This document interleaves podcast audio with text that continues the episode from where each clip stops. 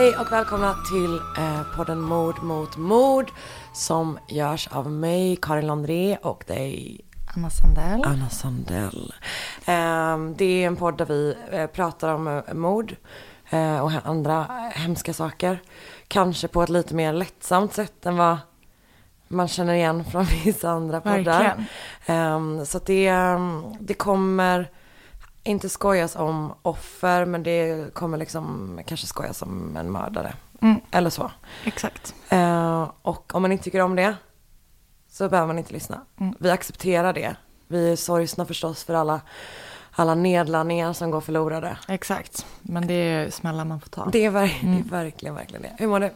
Jag mår bra. Jag mår jättebra. Jag är um, lite söndagshängig. Du har ju sån himla, du är ju redo för yoga på ett så härligt sätt tycker jag. Exakt. Du är klädd för yoga. Mm, sändar in det hela vägen.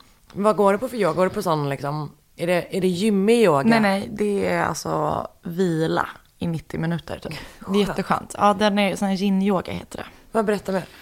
Ehm, men det är att man är en och samma, det handlar typ om acceptans. Och man är en och samma position i 3-5 minuter.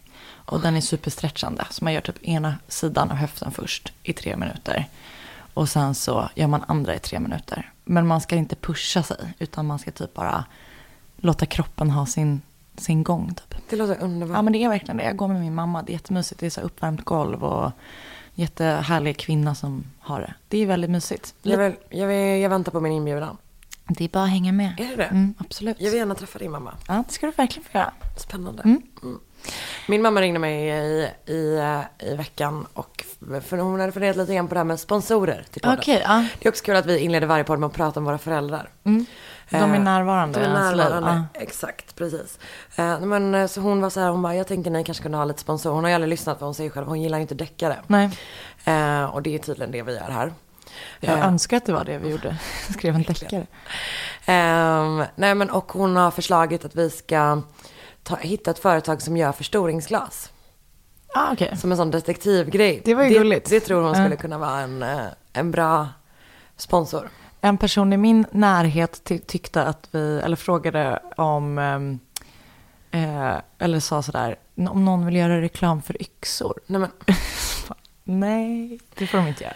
Nej, nej vi, vill, vi vill inte ha några yxföretag. Nej. Vi vill gärna ha förstoringsglas. Och typ ett sånt litet block där man kan skriva anteckningar. Ja, och även kanske sån Sherlock Holmes-mössa. ja, exakt. Så det är ju bara att, precis, Ja, kolla in vår hemsida efter stora och lilla paketet. ehm, vad var det jag skulle säga till dig? Jo, vi har två saker som vi behöver ta. Okej. Det första är att jag för två avsnitt sedan sa att jag skulle kolla upp Just det. hur mycket en, nu kommer äckligt ord. Det är så många som har skrivit mig om, om Hudkostymen. mordet. Hudkostymen. Mm. Eh, den har, det har traumatiserat många. När vi pratar om Catherine Knight så Mm. pratar vi om, om en hudkostym. Eh, alltså en hel människas hud. Och hur mycket den väger var i diskussionen. Ja.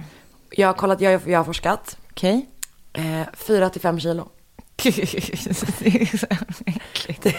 Var det mycket eller lite tycker du? Jag tycker det är extremt mycket, men det kan också kännas lite så här hoppfullt då när man försöker gå ner i vikt och tänka att det är bara liksom fem kilo av den här siffran är bara min hud. Den klarar mig inte utan. Nej. Nej. Nej, det är precis det är en sån acceptans. eh, Så man kan insikt. alltid dra bort fem kilo från det man väger för att det är ändå bara huden.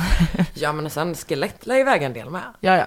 Ja men så egentligen väger man alltid minst 5 kilo mindre. Exakt. Och om man sprider ut huden, ah, nu blir det äckligt, okej. Mm. Om man sprider ut den så är det två kvadratmeter. Mm. Det, är känns äckligt. Ju, det är äckligt. Och det känns äckligt att tänka att någon har gjort det. Mm. Det tycker jag inte om. Det var den första order of business. Den andra var ju att du skulle hitta på ett smeknamn till mig för att värna min, min privacy. Eh, Jag har ett gäng faktiskt. nej, är det så? Åh, du tar verkligen fram mobilen. Grejen Är är, det här förslag då? Det här var ju alltså för att vi, vi skulle komma på smeknamn så att vi, så att vi kunde börja göra det här under alter ego så vi slipper eh, bli utsatta för lustmördare. Du har två. Sasha, eller du har Sasha Bönan Andell. ja. Är ju ditt. Och nu har du då tagit fram lite förslag till mig. Alltså, jag måste faktiskt berätta hur jag, hur jag gick tillväga. ja. För att vi kan ju också säga att det först, första gången vi sågs typ, inte riktigt, jo men kanske första gången vi sågs, då försökte jag ju döpa om dig redan då till Karin Londreus. Ja. Eh, så det är ju en grej, det påminner lite för mycket om ditt egna namn. så att, men jo. det är ändå liksom, för det är lite som Sasha Andell, det är ju typ som mitt namn. ja. Men eh, så, eh, det jag gjorde nu, för att verkligen göra dig eh, anonym, Jag är så spänd. var att jag gick in på en så här, what's my pornstar name? och klickade mig vidare. För det fanns eh, eh, liksom massa olika. Så ditt piratnamn är Capanisi Movebeard. Movebeard. Ja. Okej. Mm, mm. Gillar Eh, ditt me- mexican wrestler-namn, apropå tema vi hade förra veckan, är Violencia Gris. Vad betyder det? Vet vi det? Ah, något med violence. Ja. Jag- Gris kanske man säger. Det betyder väl Mm. grå? Den grå, det gråa våldet. Typ, skulle jag gissa. Då, efter att ha läst spanska i sex år. Mm. Ja, jag gillar Violencia Gri är jag väldigt förtjust i. Eh, ditt gangster name Mm. är Black Pond Swimmer. Nej. Eh, ditt maffianamn är Tony the Bouncer. ja. Men här är mitt favorit som jag tycker vi ska ta. Och det är Jizzy Pan... Pan Jizzy Pants Master. Jizzy Pants Master. Det är, Vad då är det? det? Det är ditt porrnamn.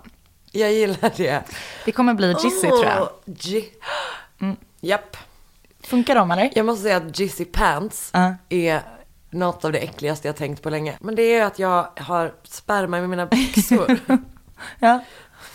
Men om vi ska lägga till master då, så blir det att du är mästare över spermabyxor. Just det. Eller Master Jizzy. Master Jizzy kan det bli. Det kan det vara. Då är jag plötsligt en dominat, dominatrix. Det är Eh, det tyvärr. Du gav mig en uppgift och jag tolkade den på mitt sätt och nu får du ta det. Ja, jag accepterar det. Ja, men bra. Ehm, det, jag tycker det är...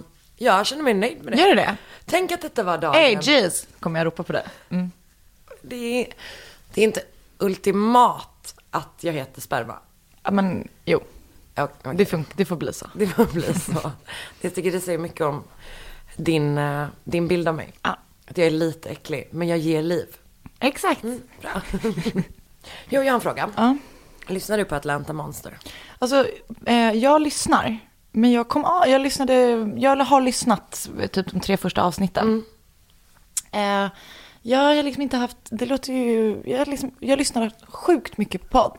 Nu har jag liksom kommit ur det och börjat lyssna på ljudbok. Just det. Eh, men ja, jag har hört de tre första avsnitten, jag tyckte det var jätte... Alltså det, Spännande. Det är ju en, en amerikansk podd. Det är han som gjort uh, Up and Vanished. Mm. Eh, som jag också lyssnade på. Som har en ny podd då. Som heter Atlanta Monster. Som handlar om The Atlanta Child Killing. Som var att det dog jätte, jättemånga svarta barn Mm. i Atlanta. Eh, och det sitter en snubbe i fängelse som har fått skulder. Men han är egentligen inte dömd för mm, alltså, morden av barnen. Utan han är dömd för två mord av vuxna män. Och ty, så är det typ så här, ja men har han gjort eller inte? Jag tycker att den är bra, jag tycker att storyn är bra. Men jag har lite samma problem som jag hade med and Vanished. Att jag vet inte, det är något med dramaturgin. Du vet att man saknar så serialproducenter som går in och, och styr upp liksom. För att det, men det känns lite um, otydligt. Och jag hade problem när jag lyssnade på det för att jag tyckte att jag inte riktigt hörde vad de sa. Ja, mm, men tror du att det är alltså typ en sån dialekt... Eh, Säkert. ja, accentproblematik. Ja, jag fattar vad du menar. Och eh, det händer ibland när jag lyssnar på amerikanska poddar, att jag så här zonar ut för att typ, jag, ork, du vet, jag orkar inte lyssna. Jag, fastn, den är, jag, tycker den är, jag tycker det är jätteintressant men jag fastnade inte riktigt. Nej. Typ så. Eh, ja, nej men jag vet inte, det är någonting med den som jag, ja, som jag också har lite svårt att... För jag har ju verkligen, Verkligen gått upp i det här med ljudbok nu. Alltså fan vad det är soft. Vad lyssnar du på nu då? Men okej, jag vill typ inte ens säga, för jag skäms lite för vilken bok jag lyssnar på. Men jag lyssnar på den eh, David Lagerkrans, den senaste Millenniumboken. Ah. Den är riktigt dålig, men det är typ skönt att lyssna på någonting. Förlåt, men Berätta hur den är dålig. Nej men eh, jag gillade verkligen eh, Stig Larsson Millennium-böckerna. Eh, de var spännande tycker jag. Eh, de här två, det är liksom så enkelt. Ah. Eh, jag vill inte göra några spoilers, men det är verkligen, det är så, det är som en sån här gammal Bond-film. Eller inte ens Bond, det är som en gammal, det är så enkelt. Ja, Det är är det alltid liksom, det, går all, det är som att man alltid har gått på den första tanken man fick. Ja, och du vet det är någon sån här grej att det är så här, eh, det är en person men helt plötsligt har han blivit eh, högerhänt, han har alltid varit vänsterhänt, har han blivit utbytt av Du vet, det känns nästan som nakna pistolen. Typ. Alltså så, det är, det är så, den är, jag har ju ändå lyssnat på nästan hela nu. Så Jo, att, men- eh, det är någonting som håller mig kvar. Men jag vet inte, I'm not hooked Men alls. du lyssnade på en annan bok va? Som var den, vad heter den? Ehm, ehm, Bara ett barn av eh, eh, Geolito Persson. exakt, och vad hette den, hennes första, den som handlade om... Störst av allt. Som Ja, var typ, Den läste jag eh, på semester i somras. Och var, tyckte den var... Mm. Den är ju så här superbra. jättebra och också perfekt semesterdeckare. som bra förströelsebok. Exakt. Den är bättre än vanliga deckare. Eller Ja. andra deckare. Ja men verkligen. Men hur är den här då? Den Bara ett barn, Ja. eh, den var väldigt bra också. Den var inte lika sensationellt spännande som eh, för eh, det- Störst av allt tycker Nej för jag. den har ju typ ett ganska spännande grepp typ som Ja. är att delvis är det fokus på en gärnings, ma- gärningsman. Mm. Men man vet inte riktigt vad hon har gjort. Nej, när man liksom börjar läsa. nej, den var, jätte, den var väldigt, väldigt spännande. Och den här var också det, men inte lika spännande. Nej, så vi men en miljon gånger bättre än David Lagercrantz-boken. Men det är så deppigt att vi alltid ska behöva jämföra allting med den nu. Att det Det kommer, bara- vi, det kommer vara vår måttstock. Ja, exakt. Men hur är en jämförelse med, David- med Livet kommer bli kanon av det. ja, verkligen. Att det är så här, man har haft en, eh, man har haft en OK-helg. Men om man jämför. Men om man jämför med den boken, ja men då var den toppen. Ja, riktigt, riktigt bra. Ja, nej men eh, jag tycker också hela den, den grejen att han skriver böcker som någon annan har påbörjat. Ja. Jag tycker det är weird på något vis. Att, ehm, ja, jag vet inte, jag känner inte så starkt egentligen i den här frågan. Nej. Eh, men det är mysigt att lyssna på ljudbok. Det är det, är det. verkligen mysigt. Men apropå en sån, eh, att avsluta bok som någon annan har påbörjat. Mm. Så du vet, eh, Mac, eh, Michelle McNamara heter hon va? Hette hon. Som var eh, gift med komikern Patton Oswalt. Ja, Som ju gick bort för några år sedan. Mm. Eh, som var en true crime writer. Mhm. Hennes bok som hon påbörjade och som typ verkligen så här, hon, men East Area Rapist. Ja. Som ju Casefile har gjort en serie om. Mm. Podden Casefile. Hon eh, skrev, alltså liksom gick in i det fallet jättemycket. Och skrev en bok om det. Mm. Fast hon kallar honom för The Golden State Killer istället. ah. Eh, och den boken hann hon inte göra klart. Innan hon gick bort. nej. Och den har någon annan plockat upp. då. Exakt, alltså Patton Oswalt då, hennes, hennes man, har eh, anställde en eh, undersökande journalist och även den researcher som hon jobbade med för att göra klart boken. Men det, det tycker jag är en helt annan grej. det tycker jag är För det är inte jättefint. fiction. Eller liksom, det är ju, finns ju typ ett värde i det. Men jag tycker att det är, jag ser verkligen fram emot att läsa den. Mm. För det känns som att den, alltså den eh, McNamara-boken, Mm. för att det känns som att det, det blir ännu större på något Mm. sätt. Att det är hennes livsverk liksom. Som, ja, absolut. Så den tänkte jag införskaffa. Ja, spännande. Mm, eller hur? Mm. Ehm, ska vi... Vi kör.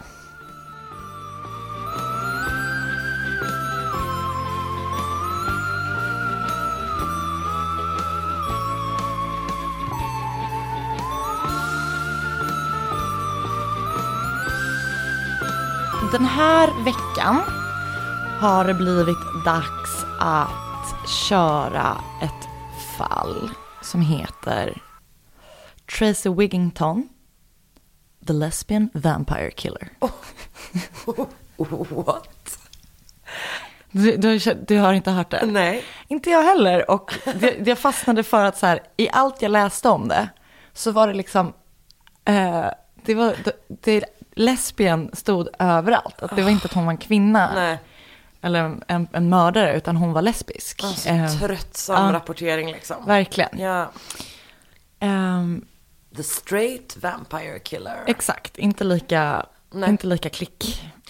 Fråga. Mm. Hur sökte du dig fram till det här? Ja, men jag liksom trillade in på det. Ja, jag förstår.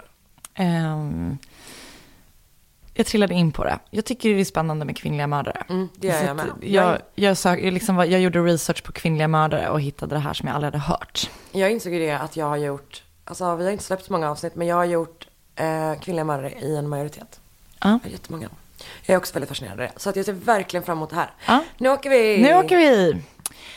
Eh, The Lesbian Vampire Killer eh, var ett fall som uppmärksammades väldigt mycket eftersom det, hade, liksom, det innefattade allt som kändes väldigt snaskigt. Det var då lesbiska kvinnor, det var eh, vampyrer och det ockulta eh, och eh, sex. Så det blev ett väldigt eh, uppmärksammat fall i Australien, eh, i Brisbane, eller i Australien generellt, men det skedde i Brisbane. Och det som också var att man kunde från början inte tro att liksom, det var så våldsamt så att man skulle inte tro att det var en kvinnlig eh, gärningsman. Eh, Tracy Wigington då är född, jag vet inte det, Nej. så att... eh, Hon är- hon är född. Hon är född, hon finns. Ja. Eh, men hon är född någon gång på 50-talet. Jag, jag har ingen exakt Nej. siffra på det. Vänta, jag kan räkna ut det. 54. Nej, Ska vi verkligen lita på vår matte? 64. Hon är född 64. Hon, hon är född under 50 eller 60-talet. Hon är född 1964. 1964, bra. Eh, I en katolsk familj. Hon är uppfostrad eh, eh, som katolik. Eh, och eh, som en liksom, motreaktion på det så börjar hon då intressera sig för det ockulta. Eh, hon eh, eh, liksom gillar, gillar allt som har med det mörka, liksom makterna att göra. Hon kallar till seanser, hon läser tarotkort och hon väljer ofta eh, lesbiska partners eh, som delar samma intresse som hon. Och eh, alltså då intresset för det ockulta och även lesbiskt. Helt. Så hon är en lesbisk kvinna som vill vara ihop med lesbiska, Med lesbiska men också kvinnor. delar intresset av... Exakt. Ja, men det, det är förståeligt. Men det, jag, gör, jag säger det här lite på skoj, för att det, i alla, allt jag läste, allt jag såg om det här, så var det, allting var så här, and she chose lesbian lovers who, du vet. Så att bara, ja, hon valde kvinnor. ja exakt. Hon var en kvinna som var kär i kvinnor.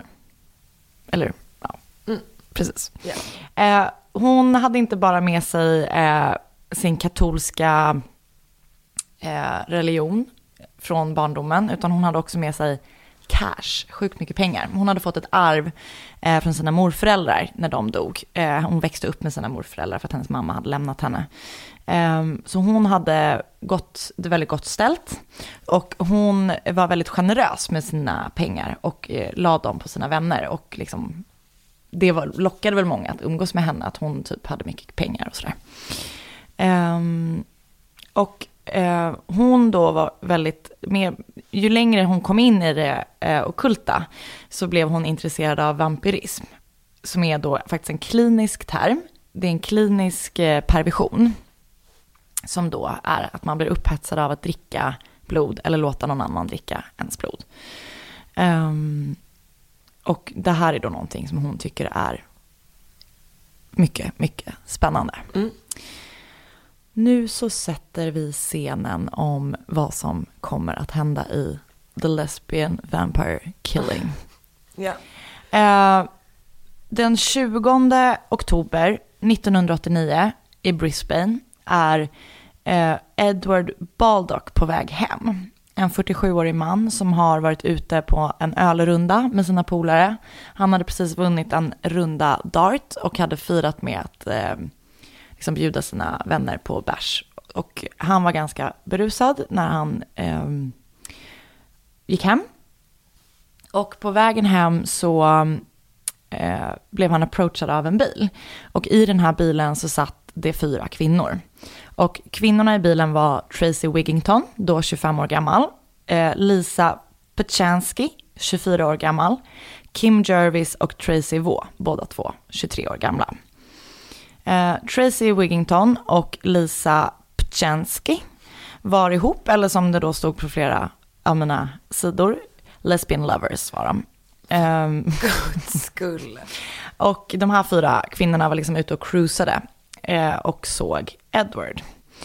Ehm, och kvinnorna då kör fram till honom, går ut ur bilen och eh, eh, vi säger till honom att så här, ska du inte hänga med på en biltur? Liksom? Vi let, we'll show you a good time. Och då lockar med honom med eh, löfte om sex. Typ.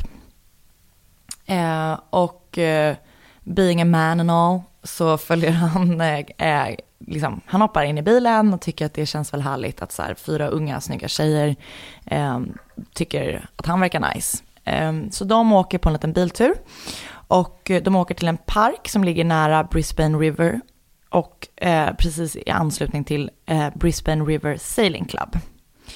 Och när de kommer fram till den här parken så eh, lockar Tracy eh, ur, eh, Edward ut ur bilen. Och hon då säger så här, nu har, går vi och sexar borta typ. Eller vad hon säger. Eh, det som händer då när de väl kommer ut ur bilen är att det är ju inte riktigt det som Tracy har tänkt sig. Utan eh, när de båda är ute ur bilen så, liksom, först så börjar hon göra någon slags seduction. Så att han, eh, eh han klär av sig och han känner sig trygg liksom med henne. Men hon eh, bara flippar. Så hon typ börjar eh, ehm, attackera honom med en kniv. Och hugger honom i ryggen och halsen. Och eh, han försöker stoppa henne, men det går liksom inte. Utan hon bara är i något så ta- totalt övervåld. Ehm, och hugger honom med 27 knivhugg. Hugg, knivhugg. Åh, 27. Jag vet. Det är så många. Det är så många. Och de är... ehm, det var som att han nästan hade blivit eh, halshuggen, för det var så många eh, hugg. Nej, Ja, alltså mm, just det där när det är sånt övervåld. Alltså jag blir så himla, himla illa till mods av det. verkligen. Det är likadant som att jag kan bli så himla illa till mods av en, du vet en sån Kanske ofta att man ser på film så är det så brutal misshandel. Det känns lite som att det är samma sak. Du vet att man bara slår och slår och slår. Man bara hugger och hugger och hugger. Verkligen. Det skrämmer mig Och det är blod liksom Ja. överallt. Och det är verkligen obehagligt. Och ehm, hon eh, går ner och liksom tvättar sig sen i, i, ehm, i floden och uh, tvättar sin kniv och du vet allt sådär. Fråga. Ja, De andra är kvar i bilen. de är kvar i bilen. Eh, Lisa, alltså Tracys flickvän, följer med. Ehm, eller hon blir hämtad av Tracy innan de mördar honom. När typ Edward håller på att klä av sig, du vet sådär. För att hon eh, går och ber om hjälp. Men, de, men det är bara Lisa som följer med. Men hon, eh, hon chokar liksom. Hon vill inte vara med. Så hon försvinner tillbaka till bilen. Så de sitter typ och väntar i bilen. Men de är medvetna om... Ja. Anledningen till att de åkte ut och cruisade var ju för Ja, de att letade de verkligen. letade. Tracy har då manipulerat de här kvinnorna att, eh, att följa med och leta efter ett offer. Jag, jag kommer lite mer till det sen. Ehm, hon går ner och typ tvättar sig, tvättar sin kniv, undanröjer alla ehm, bevis. Eh, och dagen efter så hittas Edwards kropp av några som typ är bara passers, liksom går förbi på morgonpromenad. Och det är jätte- jättemycket blod och man fattar ingenting vad som har hänt. Eh, men i Edwards sko så hittar de ett kontokort med Tracy Wigingtons namn på. Alltså hennes kontokort har hon tappat på platsen och han har typ lyckats lägga det i sin sko. Oj. Ehm, Alltså, jättekonstigt. också så jävla smart. Mm. Ja, men ja, jag vet inte om han gjorde det typ för att vara smart. Eller för man tror att han tror att...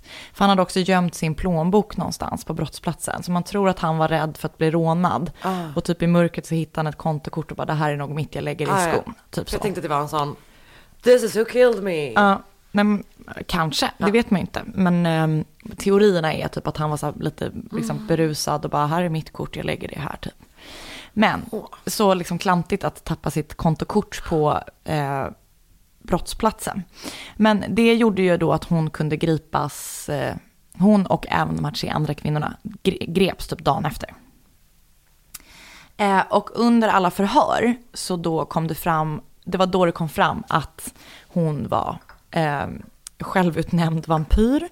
Eh, och att hon, eh, hon, hon berättade att hon lever inte på fast föda utan hon lever på blod från grisar och kor som hon köper från den lokala slaktaren. Det kommer även fram att eh, Tracy fick dricka blod direkt från hennes flickvän Lisa. Ehm, och Lisa skar då upp sina handled, ha- handleder och lät henne dricka direkt från hennes kropp. Nej. Och det var det här som liksom gav henne mer smak, att eh, få liksom, ja, men, dricka direkt från källan typ. Ehm, så då under någon sån här seans typ så lyckas ehm, eh, Tracy då övertala de här kvinnorna, hennes vänner, att eh, de behöver hjälpa henne att hitta eh, någon som hon kan feed off. Så att hon Men får... hon gör ju inte det. Jo, det, hon, det kom också fram i förhör att hon har då druckit blod från, Från honom. Från honom. Ah, okej. Eh, så hon, de har liksom, hon har manipulerat dem att följa med i jakten. Att hitta någon som hon kan äta typ. Eller äta, ja men äta ifrån. Vet, en, man har en sån kompis som är tokig på fyllan liksom. ja, och man bara, ja, okej. Okej, nu Hon, har ju, jag hon har ju också bjudit på det här. Varför är jag på rave i Rågsved? Det är liksom motsvarigheten. Ehm, då ska vi se. Um, hon berättar också under förhör att hon kände absolut ingen, inget uh, som höll henne tillbaka under mordet. Utan hon liksom bara, det var så självklart för henne att göra det. När hon attacka, hade liksom attackerat honom färdigt så tände hon en cigg och tittade på när han dog. Um, hon berättade också, det här tyckte jag var väldigt sorgligt, för att under bilresan så har tydligen Edward förhållit uh, Tracy i handen. Så hon liksom utgick från att han var ensam och hon typ tyckte liksom att han var en nobody, typ.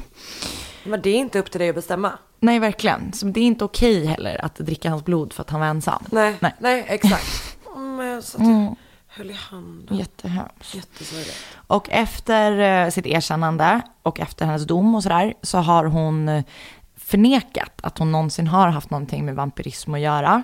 Eh, och att hon uttrycker jättemycket ånger. Men eh, enligt då alla som är övervakare och sånt där så säger de att så här, hon är psykopat. Ja, Hon, alltså hon är manlig, hon exakt. manipulerar. Och kanske då också typ att hon försöker få till en sån insanity Exakt. grej. Eh, för när, när de då fick sin dom så dömdes hon och eh, hennes flickvän Lisa till livstidsfängelse.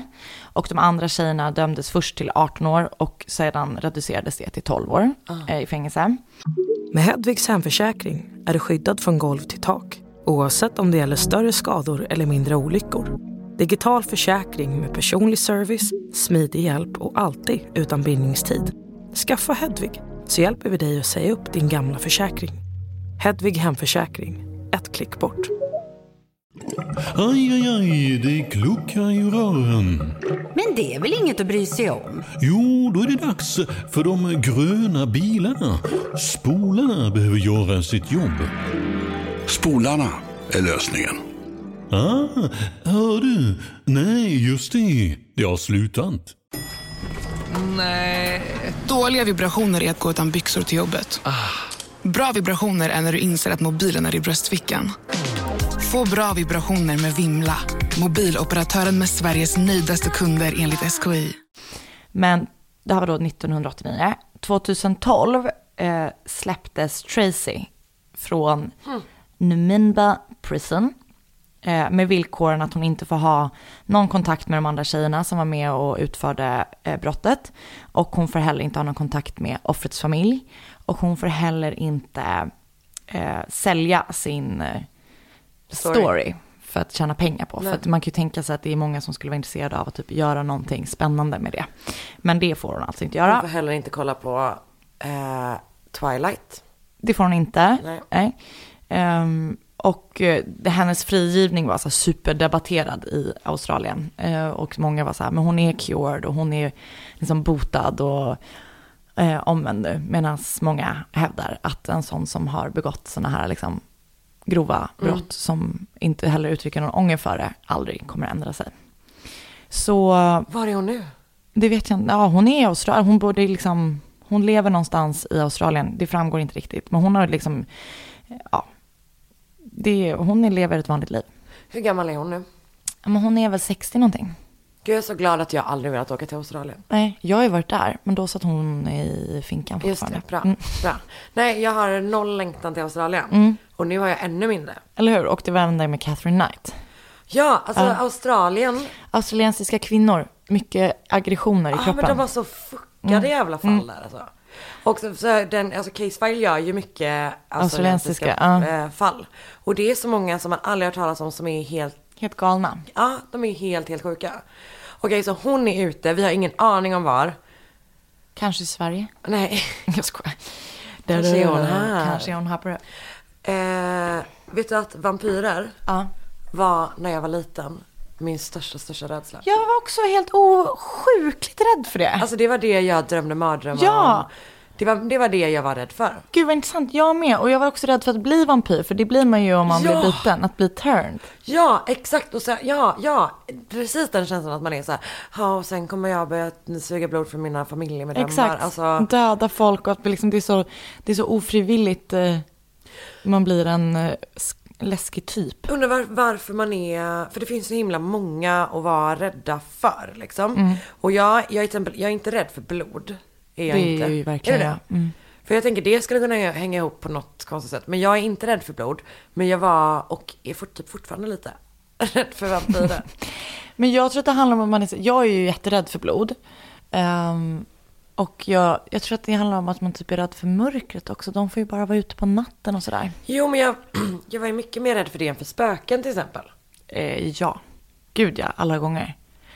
För det är jag inte. Men för vampyrer är ju en fysisk varelse. Spöken är ju typ eh, liksom... Finns ju inte till att börja med.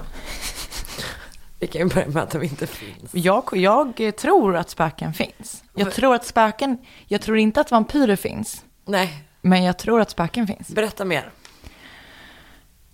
Men har du aldrig kollat på det okända? Jo, exakt. Jag kollade på det och tänkte, ja, det här är uppenbarligen inte sant. Okej. Jag Alltså- tog det mer som ett bevis på min ställning. Ja, Okej, det är intressant. Ehm, för det är fel. Men de får ju aldrig någonting.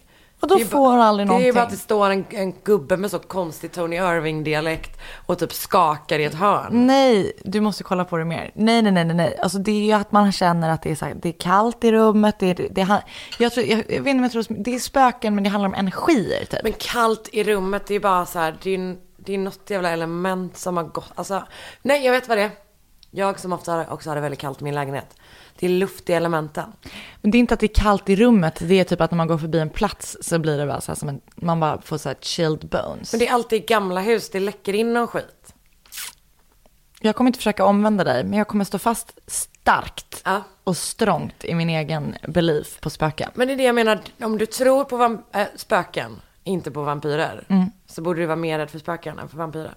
Nej, men för spöken inte all, har inte alltid ett, eh, det är inte att de alltid är elaka. Nej, men de, De är vara- oroliga och sådär. Ja, och det kan man i och för sig relatera till. Mm, exakt. Att vara orolig. Att vara orolig. Men de vill bara ha hjälp att komma över till andra sidan. Men, men jag tänker mig att du skulle kunna bli, alltså det här är verkligen bara en, en podd där vi pratar om olika karriärsmöjligheter för dig.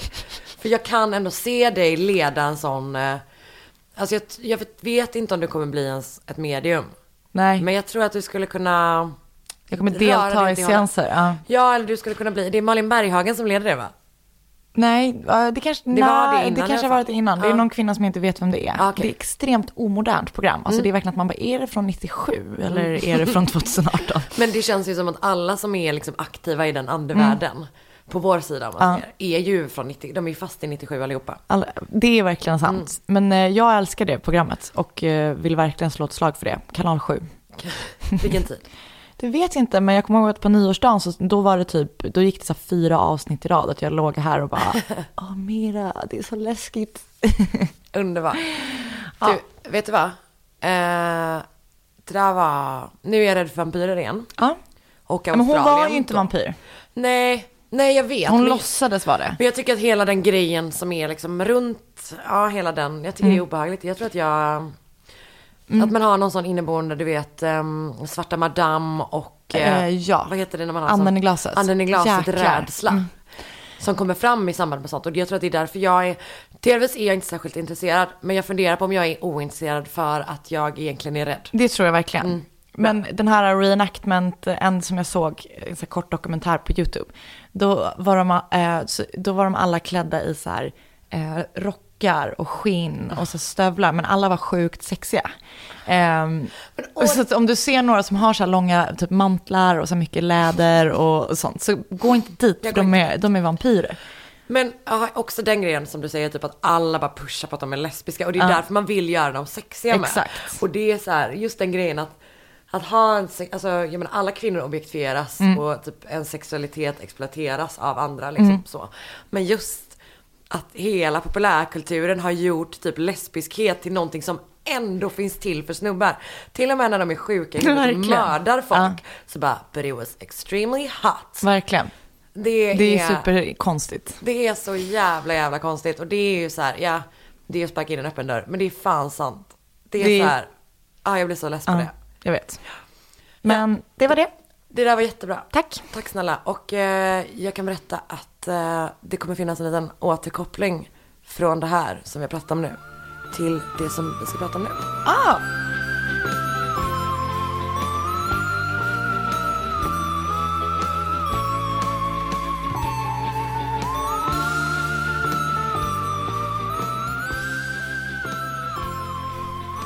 Är du redo? Jag är så extremt redo. Bam, bam, bam. Kör. Det är min egen jingel. Jag kommer börja köra jingel du, har mitt en, jag tänkte, aha, du har ju liksom jingel i Det var ingen jättebra jingel. Eftersom den bara var... bam, bam, bam. Ja. Jag ska ha. Den är så mycket svängigare. Fan. Mm. Ah. Du är alltid ett steg före. Ja. Mm. Jag tänkte berätta för dig om Sveriges första kända seriemördare. Ah, wow. Är inte det sjukt? Jättespännande. Jag blev ju, eh, jag tänkte på det att så här, man vill, vi borde göra lite mer svenska fall. Men jag vill inte göra svenska fall som ligger för nära i tiden. Nej, Så därför gick jag så långt bak jag kunde. verkligen. 1312. Nej för det är jag så jävla ointresserad av. En bondmora typ. Ja. Ja men alltså typ medeltiden och all, viking, allt. Då, då var ju alla mördare. Typ. Exakt. Det är som man bara, jag ska göra Bockstensmannen. det vill jag inte göra. Nej. Eh, så istället ska jag göra Silbodalsprästen.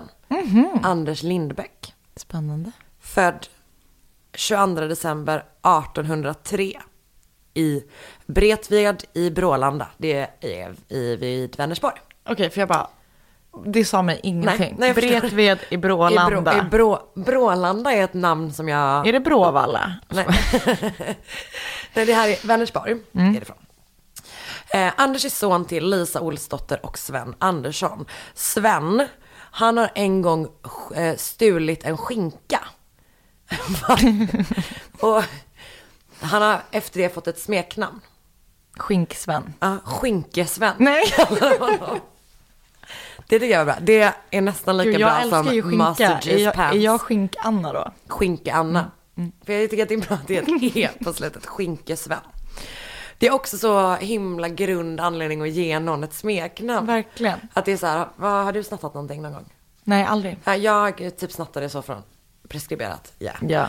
Eh, också som att polisen Verkligen. lyssnar två kommer ta mig. Jag, Då är det bra att du heter Jizzy Pants nu så att de inte hittar det. Verkligen. Eh, ja, men jag kanske, jag stal ofta så kanske, inte ofta men det hände, uh, H&M's egna smink. Oj, Eh, för att det var ju väldigt lätt att stjäla. Jag tror inte det är det längre. du kommer aldrig få jobb på H&M. Nej men det Skojar. var ju nog kört redan från början. Har du sett hur jag ser ut? Ehm, nej men så då kanske jag hade hetat så. Uh, H&M Dipliner eh, Karin. Lipliner, eh. Nej, Dipliner eh, Ah. Karin. Vad är dipliner? Nej men det är deras eyeliner, flytande. Det enda sminket jag använde fram tills Men var det coolt att snatta i, bland dig och dina kompisar? Eller? Nej, jag hade en kompis som var väldigt förtjust i det. Och jag var inte med första dagen när hon började göra Mm. det. Och så gjorde vi det lite tillsammans. Eh, bara som en grej. Men sen så var det som att hon eh, eskalerade. Okej, så nu är hon bankrånare på heltid? Exakt. Eh, precis. Det var Nej, hon som gjorde de helikopterrånen. I alla fall. Mm. Eh, De, Skinke Sven Mm. och Lisa, de hade tidigare, haft, tidigare varit ganska välbärgade typ. Men det har, det har inte gått så bra. Så de har gått från att ha ett, så här, en egen, eh, en, en, liksom en, en större gård. Eh, det kommer vara mycket olika sådana ord som jag typ har läst och inte riktigt förstått i den här texten. Mm, jag tror att det betyder att de är hem, hemmansägare. Jag tror att det betyder att de hade en större gård. Ehm, och istället så blir de en fattig backstugesittare. det verkar betyda att man hyrde en stuga av en landägare men inte hade någon mark till den. Okej, Så. De var ingen mark att nyttja heller? Nej, jag tror inte det. De var superfattiga när Anders växte upp och de överlevde för att de fick typ allmosor. Att folk gav dem mat och sånt. Eh, Men Anders han har så här läshuvud. Han är bra på att plugga. Eh, Och de, är, de var ju så himla bra på smeknamn på den tiden. Så vad tror du att de kallade Anders?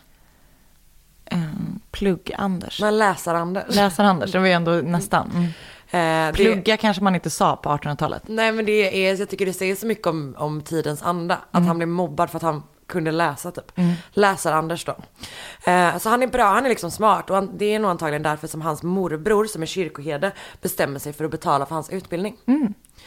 Så han, eh, när han är 18 år så får han, eh, börjar han plugga. Han läser först i Vänersborg, sen i Skara. Och i februari, februari 18, eh, 1829 skriver han in sig på Uppsala universitet. Och två år senare så blir han präst. Okej. Så går det till. Efter skolan så får han tjänst som en sockenadjunkt i Skålleryds församling. Ingen aning vad det betyder, men jag tror att det är något slags vikariat. Ja. Eh, Vänta, säg igen vad det hette. sockenadjunkt. Det är inte att man är typ lärling då eller något sånt där? Jo, men jag tror det, men att han, det, det är något slags vick, jag vet inte. Alltså, jag, eh, jag, ja, som sagt, jag, jag har inte lärt mig nya ord, jag har mer läst nya ord. Ja, vilket det räcker. Tack. Gott och väl. Eh, och han blir skolmästare också. Han är på en Ah. skola. Eh, som hör till ett bruk som ligger där. Och det är lite otydligt. Det är väldigt länge sedan det här. Vilket gör min research lite mer utmanande. Alltså viss research Du har jag inte gjort. åkt till Uppsala och läst de kyrkböckerna typ och sånt där? Nej, men viss research jag har gjort har på riktigt varit på vers. Ah. Så att de har, det har varit liksom olika, det har skrivit sånger om honom som jag har Wow. läst. Men Som du kommer sjunga sen? De kändes inte helt tillförlitliga. För det kändes som att de kryddade så jävla mycket. Såklart. Typ.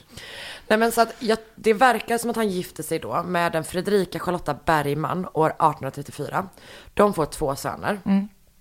Eh, och under den här tiden så kämpar han mot sin egen alkoholism väldigt mycket. Och det är den ena grejen som händer den här tiden. Den andra grejen som händer är också att han eh, jobbar väldigt hårt för att lära barnen i liksom kommunen att läsa och skriva. Det är typ hans grej.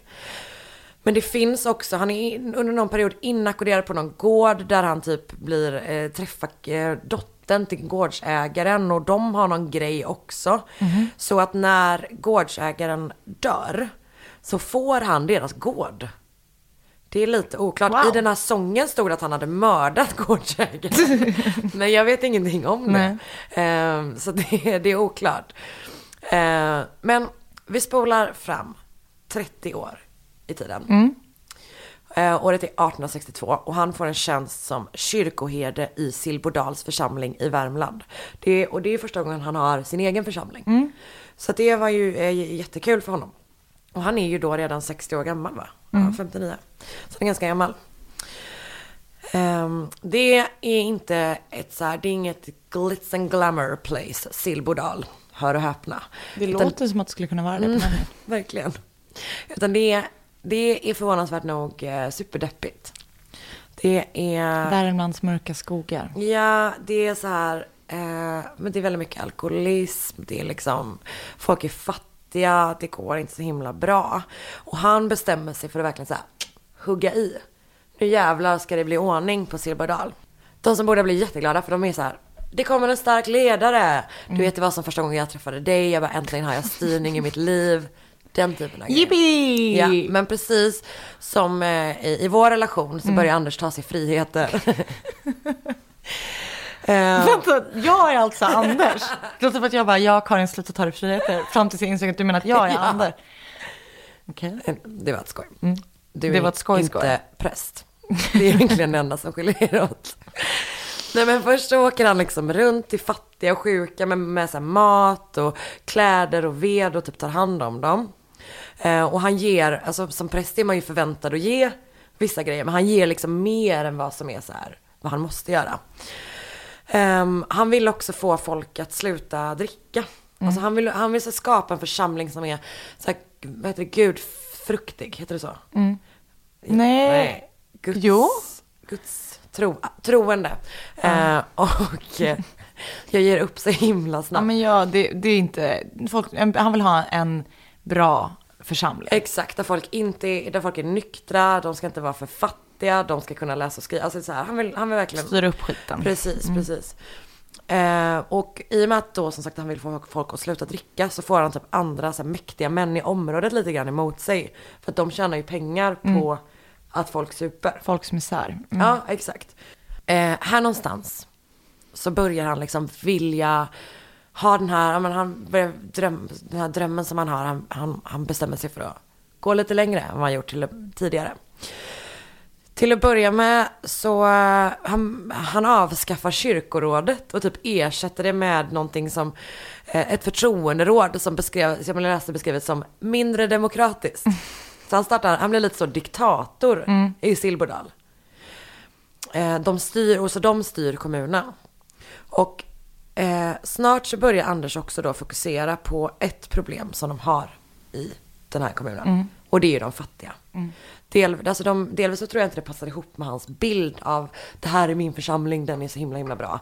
Men också så tycker han att de kostar för mycket pengar. Såklart. Och det kan man ju tycka är ironiskt med tanke på att han växte upp jättefattig och överlevde på andras, på att andra typ högg i och hjälpte han och hans familj.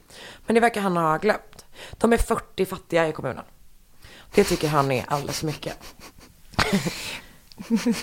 Kul. Det är liksom så här, 40 fattiga, det var så här, uh.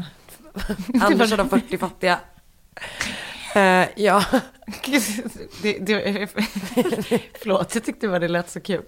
men så börjar han liksom fundera på hur man kan här, lösa det problemet. Vad tänker du? Att han mördar alla fattiga. Men vad tänker du att du skulle göra? Jag skulle, eh, Gud, nu blir det en politisk diskussion. jaha. Nej, jag skojar. Det här är partiledardebatt. Det är Jag Sasha Bell inte- mot Master Jizzy Pants. Jag kommer inte bli, Gissa vem eh, som är vänster. jag kommer inte bli eh, vald här känner jag. Jag skulle, vet inte vad jag skulle göra. Jag skulle nog landsförvisa dem före mörda dem i alla fall. Ja, jättebra. Den 15 december 1864. Let me paint a picture. Yes.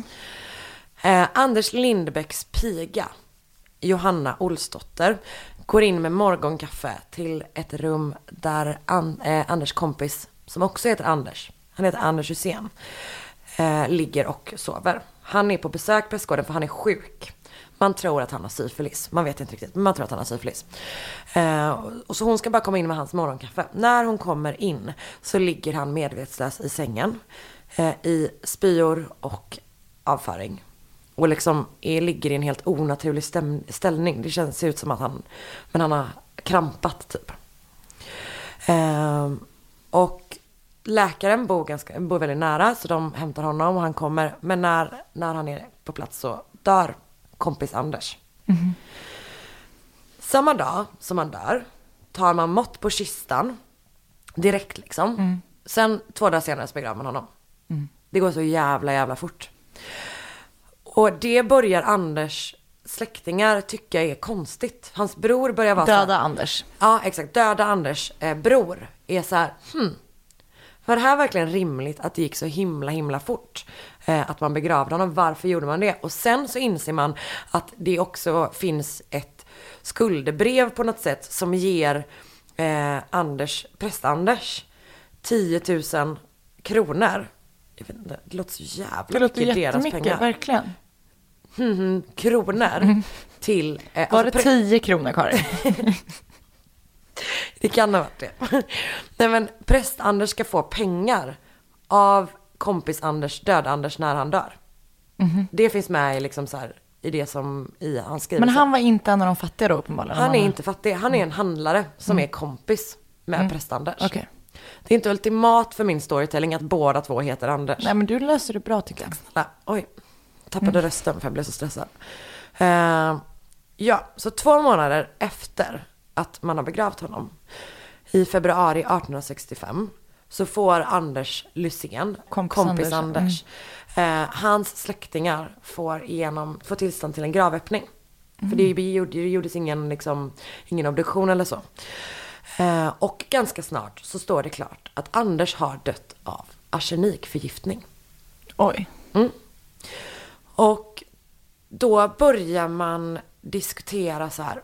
Hmm, det har varit lite andra märkliga dödsfall i bygden det senaste.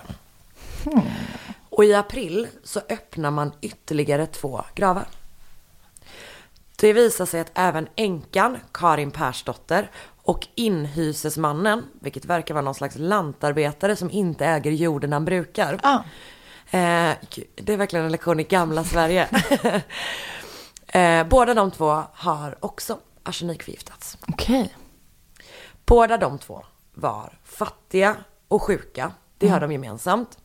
De har också gemensamt att de timmar innan sin död fick nattvarden av präst-Anders. Eh, och ganska snart efter det så visade det sig att ytterligare fyra personer har förgiftats men inte dött. Bland annat är det en som vittnar sen under rättegången som har förgiftats flera gånger. Du vet att han här förgiftats fyra Inget gånger. biter på honom. Nej, nej, men också. Han bara skakar han bara- av sig arseniken.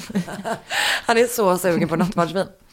Eh, för det visar sig då att det här var Anders sätt att lösa fattigdomsproblematiken.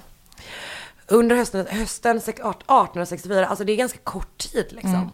Under några månader så åker han runt i områdets fattiga sjuka med mer då än så här vedmat och kläder som han haft innan. Utan istället så har han med sig något som kallas för sockenbudstyg. Tror du det kan betyda? Ingen aning. Nej, jag förstår det. Det är liksom ett portabelt nattvardskit. Eh, det är som en sån... Jag eh, ser fram emot att han har en sån här väska, att han bara, sån gammal picknickväska Ja. där det satt fast saker. Vet du att jag har skrivit att jag tänker mig att det är som en picknickkorg fast liksom med Gud. Det, vi, är, vi Ja, tänker verkligen vi är så. verkligen same mind. Vi tänker så lika. Mm. Så att i nattvardsvinet då, som Anders ger till det, det han besöker, så eh, har han lagt arsenik. Och arsenik är tydligen ganska lätt att få tag på. Det finns typ alla gårdar, så det verkar inte varit någon, någon grej. Vad Eh. använder man arsenik till ens, utan att, förutom att döda folk? Bekämpningsmedel. Alltså, Man använder arsenik som bekämpningsmedel. Eh, och har man en gård då så är väl det alltså förståeligt att man har det. Helt ja, precis. Men däremot, lägg det inte i nattvardsvinet barn. Nej. Det hör inte hemma där.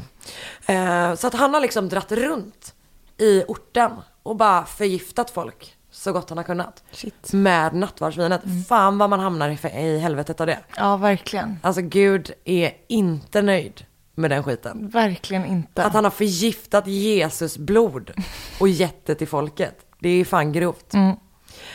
Eh, och så att alla förutom kompis Anders äter ju då, eller får det nattvardsvinet. Han har ätit förgiftad gröt. Så där får han ju bara uppenbarligen tjänst, bara feeling. Det har inget det är ju liksom. säkert för att han ska få pengarna då bara. Ja, ja men exakt. Och grejen är att det är många som tror att hade han inte dödat kompis Anders så hade inte de andra upptäckts. För kompis Anders var ju så här, han kom från mer välbärgat eh, så här, plats och han, hade, han var handlare och han hade liksom eh, släktingar med kontakter. Så hade han inte dödat honom så hade man antagligen aldrig Nej. upptäckt de fattiga sjuka som inte fick sin möjlighet att typ föra sin talan. Liksom. Det var ingen som lyssnade på dem. Ja, jätte, jättesorgligt. Så den 29 april 1865, det går så fort, Verkligen. ställs Anders Lindbäck inför rätta i tingshuset i Långelanda. Och den 11 juni så erkänner han morden. I sitt försvarstal, försvarstal så säger han att han har gjort det av barmhärtighet. Anders eh, Lindbäck, Silbodalsprästen, döms till halshuggning. Oj. Men innan han hinner bli avrättad så tar han sitt eget liv. Den 20 november hänger han sig i sin cell på Karlstad fängelse. Nu kommer min återknytning till det vi pratade om innan. Karlstad fängelse är numera ett hotell. Och det sägs att Anders Lindbäck spökar där. Så jag kollade bland annat på ett program som var som de okända fast gjort av typ så TV, TV Värmland. som var, alltså så här, det var en helt, det var en värmländsk eh, tv-kanal. Som jag hittade på, på YouTube. Som var verkligen, alltså man tycker att, alltså att eh, de okända är fast i 97. Ja. Kan du tänka dig? Alltså, Det beyond. är ganska så otroligt. Så, så man säger att han spökar i de, eh, Ah, gud vad i intressant. de korridorerna. Hotell Bilan, Bilan, någonting. Inte supersvängigt hotellnamn, men där eh, sägs det då att Anders Lindbäck, Silbodalsprästen, spökar. Går igen tycker jag om när man säger Går igen ja. spökar. Mm. Så en av Sver- eller Sveriges första kända seriemördare, Ah. verkar han kallas. Tack. Vad spännande. Det var kul att höra sånt gammalt. Man gillar ju historia också. Det är två bra ämnen ihop. Mm, vad bra. Kul. Vad glad jag är att, du, att du gillar det. Krimhistorik. Men det, ja, det är något som är så himla... Det känns som att det skulle kunna vara någonting så i veckans brott, du vet. Att då, då har de ibland så här Mm. fall från typ 1800-talet. Det är väldigt kul. Ja, nu önskar jag, eh, vill att jag ska läsa lite grann ur en sån här sång eller? Kan du sjunga den? Nej, vet du vad? Jag vet inte vad det är för eh, melodi. Men den heter i alla fall För blott 30 år tillbaka. Heter låten som man kan söka på. På Spotify. blott 30 år tillbaka. jag sjöng också med min gamla röst. Ja, jag hörde det. Ja, det var jätte... Det var superuppskattat. Jag gillar verkligen din gamla röst. Men även din nya. Tack. Tack, även den moderna.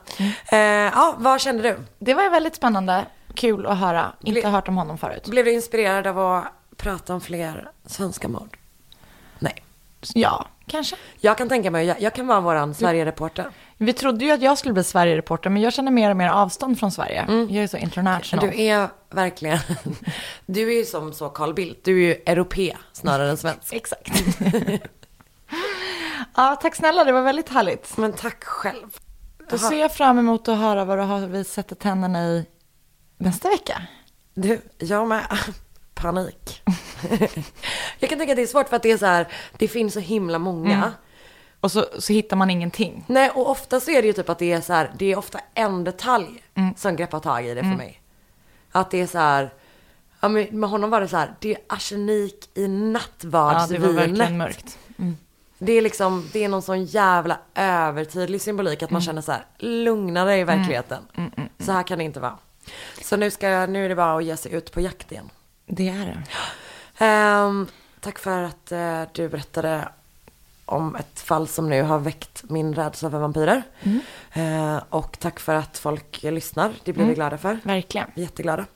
Eh, så säger vi att det här har varit Mord mot mord med eh, Jizzy Pants, Master. Jizzy Pants Master, Karin Andrea. Jag vill nog behålla mitt namn. Du ville så himla gärna ha ett smeknamn som Men du jag vill inte ha Jizzy Pants. Vi ska se om vi hittar något annat. Tack snälla. Okej, eh, det här har varit Mord mot mord. Du heter Anna Sandell, jag heter Karin Andrea. Puss och kram, hej hej. Hej. Dåliga vibrationer är att skära av sig tummen i köket. Ja! Bra vibrationer är att du har en tumme till och kan scrolla vidare. Få bra vibrationer med Vimla. Mobiloperatören med Sveriges nöjdaste kunder enligt SKI.